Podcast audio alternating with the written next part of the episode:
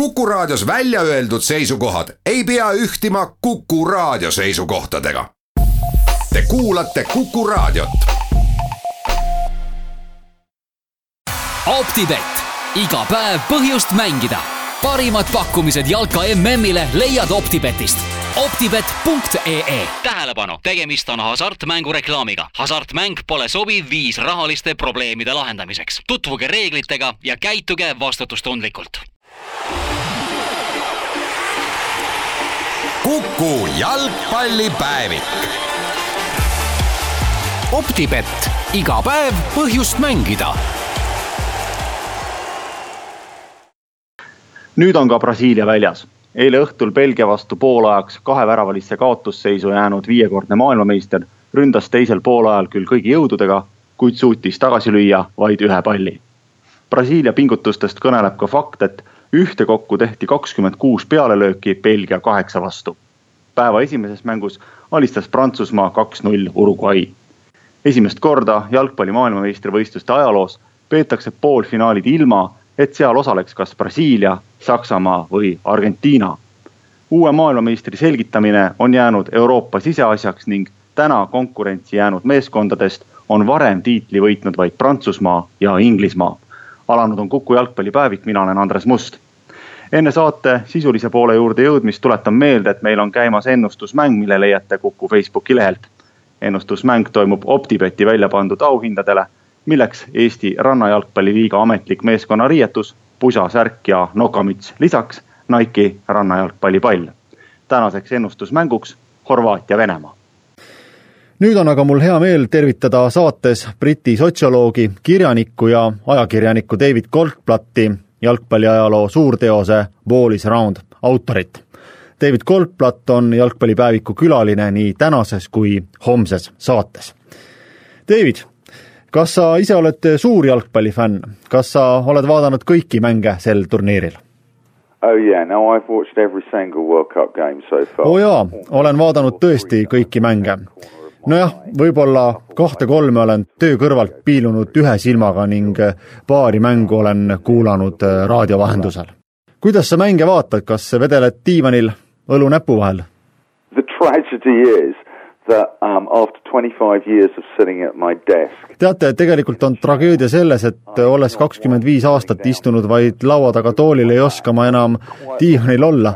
mul hakkaks selg valutama, nii et tegelikult vaatan ma jalgpalli sageli püsti seistes, mis mulle sobib päris hästi, sest seisan ka staadionil, kui käin Bristol Roversi mänge vaatamas, mida juhtub umbes kuus kord, kuus kuni seitse korda aastas ja mujal maailmas külastatud mänge koguneb aasta jooksul umbes kümmekond ja kõiki neid mänge vaatan ma peamiselt ikkagi seistes. nii et eh, ka kodus olen enamasti püsti. Uh, sa ütlesid, et kuulad eh, maailmameistrivõistluste mänge raadio vahendusel, eestlasele kõlab see harjumus küll veidi võõralt.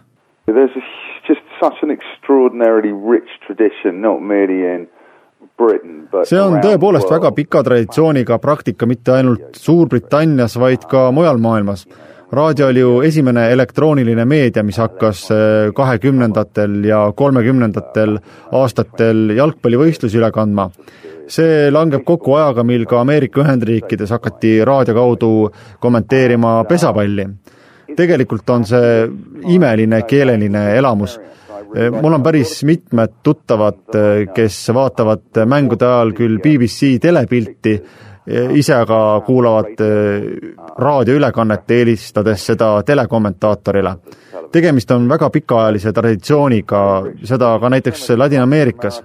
kuulates head kommentaari ning staadionilt kostvat kisa, suudavad inimesed endale ise ei millestki pildi luua. jah mulle tõepoolest meeldib see. sageli kuulangi esimest poolaega raadiost ning kui mäng väga põgenevaks läheb, siis võin telerile alati üle minna, kuid igal juhul on raadiokommentaar minu jaoks midagi väga erilist.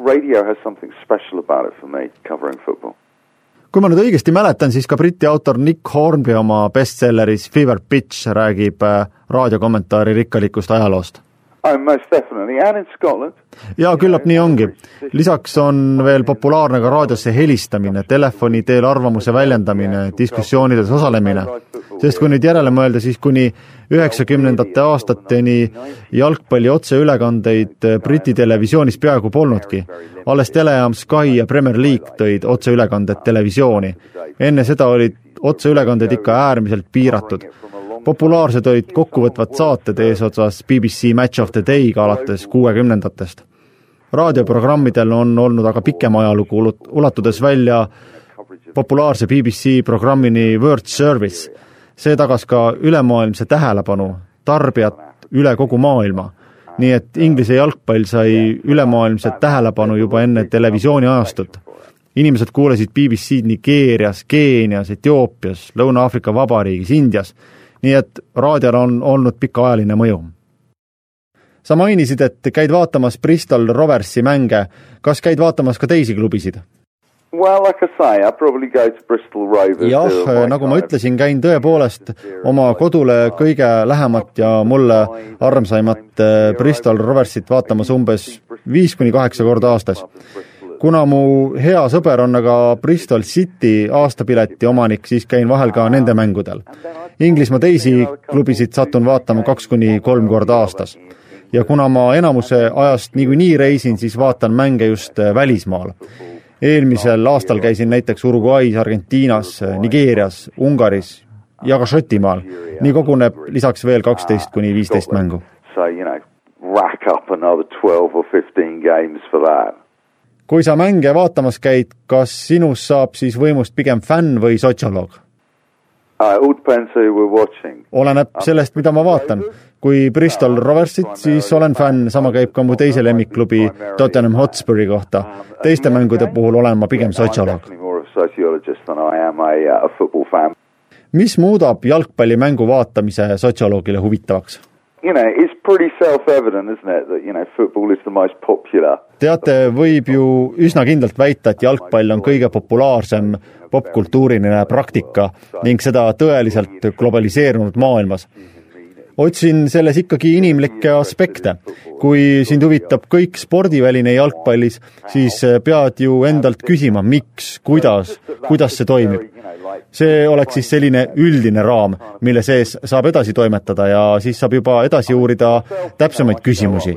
mul endal on näiteks umbes sajast küsimusest koosnev nimekiri, millest huvitun ja millele vastuseid otsin. näiteks teen ma staadionil demograafilisi uuringuid kui palju on publikus valgeid, kui palju musti, kui palju on mehi, kui palju naisi, kui vanad nad on, kus inimesed istuvad, kus nad seisavad, kas nad on organiseeritud milline on staadioni arhitektuur, mida see räägib klubi kohta, kuidas inimesed tulevad staadionile, kuidas inimesed lahkuvad staadionilt, mis roll on täita avalikel ruumidel staadionil. Äh, mõistate, ma võiksin muudkui jätkata. tahan lihtsalt öelda, et mind uurijana, sotsioloogina võivad käima tõmmata väga erinevad impulsid. Teeme siin väikse pausi ja oleme hetke pärast tagasi Kuku jalgpallipäevik. optibett, iga päev põhjust mängida. jätkumas Kuku jalgpallipäevik ning jätkumas vestlus Briti sotsioloogi, kirjaniku ja ajakirjaniku David Goldblattiga David, sina sotsioloogina oled ehk mõelnud ka järgmise küsimuse üle. nimelt vaatab viieteistkümnendal juulil käesoleval aastal maailmameistrivõistluste finaali umbes miljard inimest. millega sina kui sotsioloog selgitad fenomeni, et nii suur hulk inimesi on samal ajal hõivatud sellesama tegevusega? I mean I actually think it's going to be more than a billion this time around You know, last time it was, you know, FIFA reckoned it was a billion. ma isegi arvan, et eh, sel korral on üle miljardi vaataja. neli aastat tagasi raporteeris FIFA miljardist vaatajast. nüüd on kindlasti veel rohkem noori vaatamas ja seda tänu arenenud tehnoloogiale, mis avardab vaatamise võimalusi. seepärast arvangi, et vaatajaid on üle miljardi ja kui nüüd uurida põhjusi, siis see on küll väga sügav küsimus me peaksime ehk alustama üldse põhiküsimusega, et miks on jalgpall sedavõrd populaarne ja kuidas sellest on saanud globaalne sport. siin näen ma põhjuste kimpu. kus ühelt poolt soosib äh, populaarsust mäng ise, tema lihtsad reeglid, teisalt aga jalgpalli tekke sattumine sobivasse ajaloolisse perioodi. jalgpall on Inglise ja Šoti kõrgklassi leiutis üheksateistkümnenda sajandi keskpaigas. See aga kattus ajaga, mil Suurbritannia oli oma ülemaailmse kohaloleku tipus jalgpall leidis endale koha rändavate brittide reisikotis ning jõudis nii maailma eri punktidesse, Briti impeeriumi toonastesse punktidesse ja sealt juba omakorda edasi kiiremini kui näiteks kriket. kõik see sai teoks tänu Briti riigiametnikele, sõduritele, diplomaatidele ja nii edasi. Ja ühtäkki selgus, et jalgpall on adapteeritud kõikjal jalgpalli kasutuselevõtt oli ka kui märk moderniseerumisest. kahekümne esimesel sajandil, mil britid on oma nostalgitseval saarel maailmast justkui eraldatud, on veidi keerukas ette kujutada, et üheksateistkümnendal sajandil olid britid kõigile suureks eeskujuks kõik brittidesse puutuv assotsieerus edasiminekuga, moodsusega ja jalgpall oli lihtsalt üheks selliseks vahendiks. ja siis muidugi mäng ise, sest äh, millist mängu siis modernne maailm vajada võis? suure rahvastiku kasvu tingimustes sai selleks olla vaid võistkonnasport, mitte mingil juhul individuaalne sport. ja kui nüüd äh, mõelda võistkonnasportide üle, siis jalgpallil kahtlemata oli vabadust ja lihtsust rohkem kui mõnel muul alal, näiteks kriketil. aga ka pesapallil, mis on samuti tohutult rikkaliku mängusiseste taktikaliste võimalustega. nagu Marx on öelnud, kõik, mis on tahke, sulab õhku ning jalgpallil justkui oleks samasugune dünaamika, midagi sellist, mida võib leida ka korvpalli juures, aga no kuulge, vaadake kas või skoore korvpallis, sada seitseteist, üheksakümmend kuus. seda lihtsalt ei ole võimalik kuidagi lihtsalt mõista ja ma ei taha öelda, et korvpall poleks huvitav mäng. jalgpallis seevastu on värava löömine sedavõrd harva esinev, et sellest saadaval rõõmul on võime esile kutsuda ma ütleks koguni orgasmiseisund. nii ma julgeksingi väita, et jalgpallil on mõningaid omadusi, nagu näiteks see, kuidas seda mängitakse ning milline on ühisvaatamisest saadav kogemus, mida teistel spordialadel pole ning just see ongi põhjus, miks jalgpall teiste sportide üle domineerida saab. ning kui nüüd lisada siia kahekümnenda sajandi lõpu, kahekümne esimese sajandi alguse arengu tulemused, siis ka see suurendab jalgpalli populaarsust.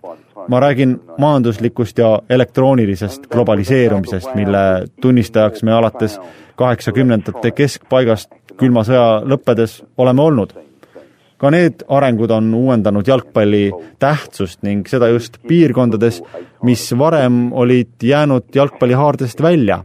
pean silmas just Ameerika Ühendriike ja Indiat. kõik see on kasvatanud jalgpalli populaarsust määral, mis varem oli kujuteldamatu. Ja loomulikult ei saa mööda vaadata ka jalgpalli seosest poliitikaga, mis minu arvates on omavahel alati olnud tihedalt seotud poliitiline liikumine laiemalt, poliitikud eraldi võetuna, riigid ja riigiaparatuur on terve sajandi püüdnud kinni haarata jalgpalli pakutavatest võimalustest, näiteks omandades klubisid, seistes rahvusmeeskondade taga ja loomulikult muudel viisidel. Kuid viimasel kahekümnel aastal ma julgeks öelda, oleme näinud tõesti võrreldamatut hüpet, kuidas poliitilised ja majanduslikud initsiatiivid on püüdnud jalgpalli üle kontrolli saavutada, seda mõjutada ja iseend selle taustal nautinud. selline mu vastus olla võikski. exercising real economic and political power for whatever purposes. So that's my best guess at it, Andres. Milliste otseste probleemidega tänane jalgpallimaailm silmitsi seisab? you know, where do I begin? Number one, we've got to, you know, this is all created oh, kust nüüd õigupoolest pihta hakata? kõigepealt tuleks öelda, et kogu senine areng on loonud globaalse majandusliku jalgpallimudeli, mis on aga toonud esile globaliseerumise halvimad tagajärjed, kus äh, võitjateks on väga vähesed klubid, vähesed rahvuskoondised, kuid kes sees teenivad tohutuid kasumeid kõik on see globaliseerumise tulemus. fännide nimel võideldakse üle maailma, mängijate turg on ülemaailmne. ülemaailmsed investeeringud on muutunud üha agressiivsemaks, mis omakorda õõnestab paljusid nõrgemaid, vähem võimekamaid. tasub heita pilk näiteks sellele, milliseks on muutunud Nigeeria koduliiga. teiseks kaubanduslik globaliseerumine on kaasa toonud kurvad kultuurilised tagajärjed. ühe näitena võiks tuua muutunud atmosfääri staadionitel. ja loomulikult poliitiline mõõde, mis on võtnud epideemilise mõõtme. mõtleme ka sellele, kuidas oligarhid äh, varastavad avalikku raha ja kasutavad seda isiklikel eesmärkidel meil on täna üle kahesaja alaliidu ja ma ei usu, et oleksime suutelised leidma kas või üheainsa, kus ei toimuks täiesti avalikke vargusi, rahapesu, maksupettusi, võimu kuritarvitamist, huvide konflikte ja nii edasi. globaalse jalgpalli juhtimine on tõeliselt häbiväärne. Need on suured probleemid sest enne, kui asuda mõne sportlase süüdistamise juurde, tuleks mainida tohutu haarde võtnud ülemaailmseid kokkuleppemänge olgu seda siis finantsilistel või poliitilistel eesmärkidel ja tuleb öelda, et see on juba väljunud igasuguse kontrolli alt ja paraku ka juba üsna raskesti reguleeritav. ja sellised inimesed on juhtivatel kohtadel eh, FIFA-s ja ka mujal juhtivates organisatsioonides. see on täielik naljanumber. I mean, it's a joke. It's a joke juhtivad jalgpalliorganisatsioonid on püüdnud rakendada erinevaid meetodeid kaitsmaks jalgpalli erinevate huvigruppide eest ning üheks selliseks vahendiks on juba mitmeid aastaid kasutusel olnud niinimetatud finantsilise ausa mängu reegel, financial fair play, mis siis väga üldiselt kokkuvõetuna ei luba UEFA turniiridel osalevatel klubidel kulutada rohkem, kui nad teenivad. kas sina näed sellist meetodit positiivses valguses? Kindel see, UEFA on nagu Põhjamaad Euroopa Liidus, keda võiks pidada nii-öelda viimaseks lootuseks institutsionaalses jalgpallis. Hoolimata kõigist puudujääkidest ja probleemidest, miski pole ju ideaalne, on financial fair play tõesti väga tähtis ja otsustav muutus, mis viimaks ometi jalgpalliliitude poolt kehtestati. see on majanduslikult väga oluline ja ma arvan, et UEFA teeb päris head tööd. ma arvan, et UEFA klubide litsenseerimissüsteem, mis kaasab ka finantsküsimused, on tõesti otsustav ja oluline muudatus. Põhimõtteliselt nõutakse esimest korda kõigilt avatud ja kõigile nähtavat rahastamist ning selgeid tõendeid tasakaalus olevast eelarvest ja me oleme viimasel neljal-viiel aastal näinud ka selle tulemusi, kui karistada said Moskva CSKA ja Moskva Dünamo, kes said kasutada oma sõpradest oligarhide vahendeid. Financial fair play nõuab seega organisatoorset arusaama, kuidas klubid toimima peavad ja siin on karistuse saanud ka näiteks Ateena Panathinaikos. nii et kokkuvõttes pean ma neid samme tervitatavaks, sest tõepoolest, me võime ju Michel Platini puhul rääkida mitmetest muredest, korruptsioonist, mis jäi siiski isiklikule tasandile, kuid vaadates tema ajastule avarama pilguga, siis usun, et UEFA tegi siis ja ka teeb nüüd head tööd. Miski pole mõistagi täiuslik, kuid igal juhul on asjad paremas korras kui maailmas tervikuna.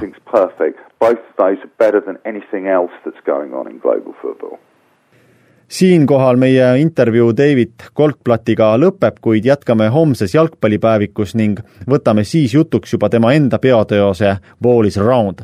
kes aga soovib kuulata David Goldblatti enda juhitavat jalgpallisaadet, siis selleks julgen väga soovitada tema podcasti Game of Our Lives selline sai tänane jalgpallipäevik, tuletan meelde, et meil käimas ennustusmäng, mille leiate Kuku Facebooki lehelt ennustusmäng toimub OpTibeti välja pandud auhindadele ning tänaseks mänguks Horvaatia-Venemaa.